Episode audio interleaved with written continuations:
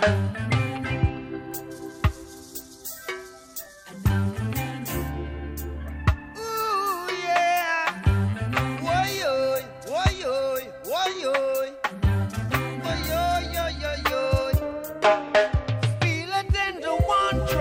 Hola, Ferran. Molt bon dia. Dic que torna de vacances. Que Has vist que vinc amb bon ritme, eh? amb aquest aire així com d'anar fent, Xano, però no ens pensem que, que posem el Bob Marley perquè sí, és No. que anem a parlar precisament d'aquesta pel·lícula del Kevin McDonald. I a més a més és una bona pel·lícula, eh? És una bona manera d'arrencar...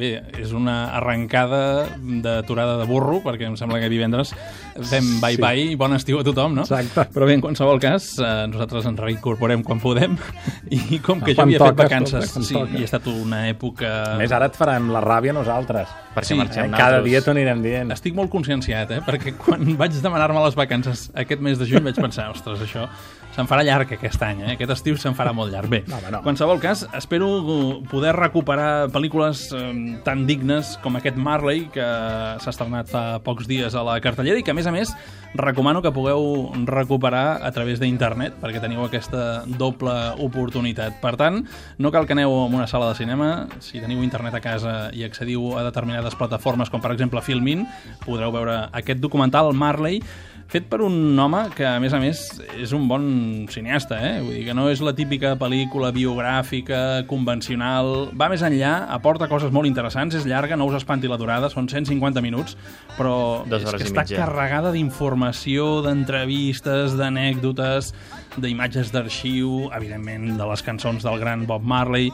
És, eh, per mi, un documental revelador, dirigit per Kevin MacDonald, que és un escocès que va dirigir, segurament la seva pel·lícula més popular és L'último rei d'Escòcia, però també va fer una pel·lícula sobre el muntanyisme, sobre l'escalada, el món de l'escalada, molt, molt, molt interessant, que es diu Touching the Void.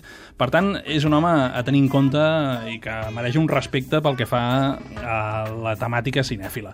Dit això, home, Bob Marley, em sembla que el coneixem tots, però potser jo he de reconèixer que no tant com per eh, sorprendre'm moltes de les coses que s'expliquen en aquest documental, perquè et fa una visió d'un personatge que va molt més enllà del que és el propi reggae, el moviment reggae, sinó també tot el que és la seva eh, reivindicació per la llibertat, la pau, per tant, com a mite polític. Per Una tant, mica trenca el mite no, dels tòpics que sempre se li atribueixen a, a la música reggae i a Bob Marley. No? Sí, no sé, jo he descobert una nova dimensió en el seu personatge i el més interessant de tot, que estableix constants paral·lelismes amb la seva vida, la pel·lícula està explicada de manera cronològica, i s'estableixen, com deia, paral·lelismes amb el que estem veient i les cançons que ell va anar composant i va anar tocant, va anar interpretant, perquè es veuen moltes escenes de concerts, i per tant entens molt bé la dimensió del personatge i el perquè d'aquelles cançons, aquelles lletres. Per tant, de veritat, jo us la recomano, un Bob Marley per disfrutar d'un bon estiu I cinematogràfic. si no teniu internet i teniu la plataforma de l'I+, per exemple, de Digital Plus, allà al Canal Plus, també també. ho teniu a la taquilla. Sí, sí, cada vegada és més habitual, eh? això de, escolta'm, tria tu allà on vulguis veure la pel·lícula. Sí, sigui aquesta cinema, setmana ho he vist. internet, Dic, mira, dic la Bob tele. Marley, dic Marley, dic també Carmina Revienta. Exacte, aquesta la comentem demà. També la comentem, Sí, me doncs la vinga. reservo, me la reservo per demà. Doncs vinga, fins demà. Apa, adéu. Stand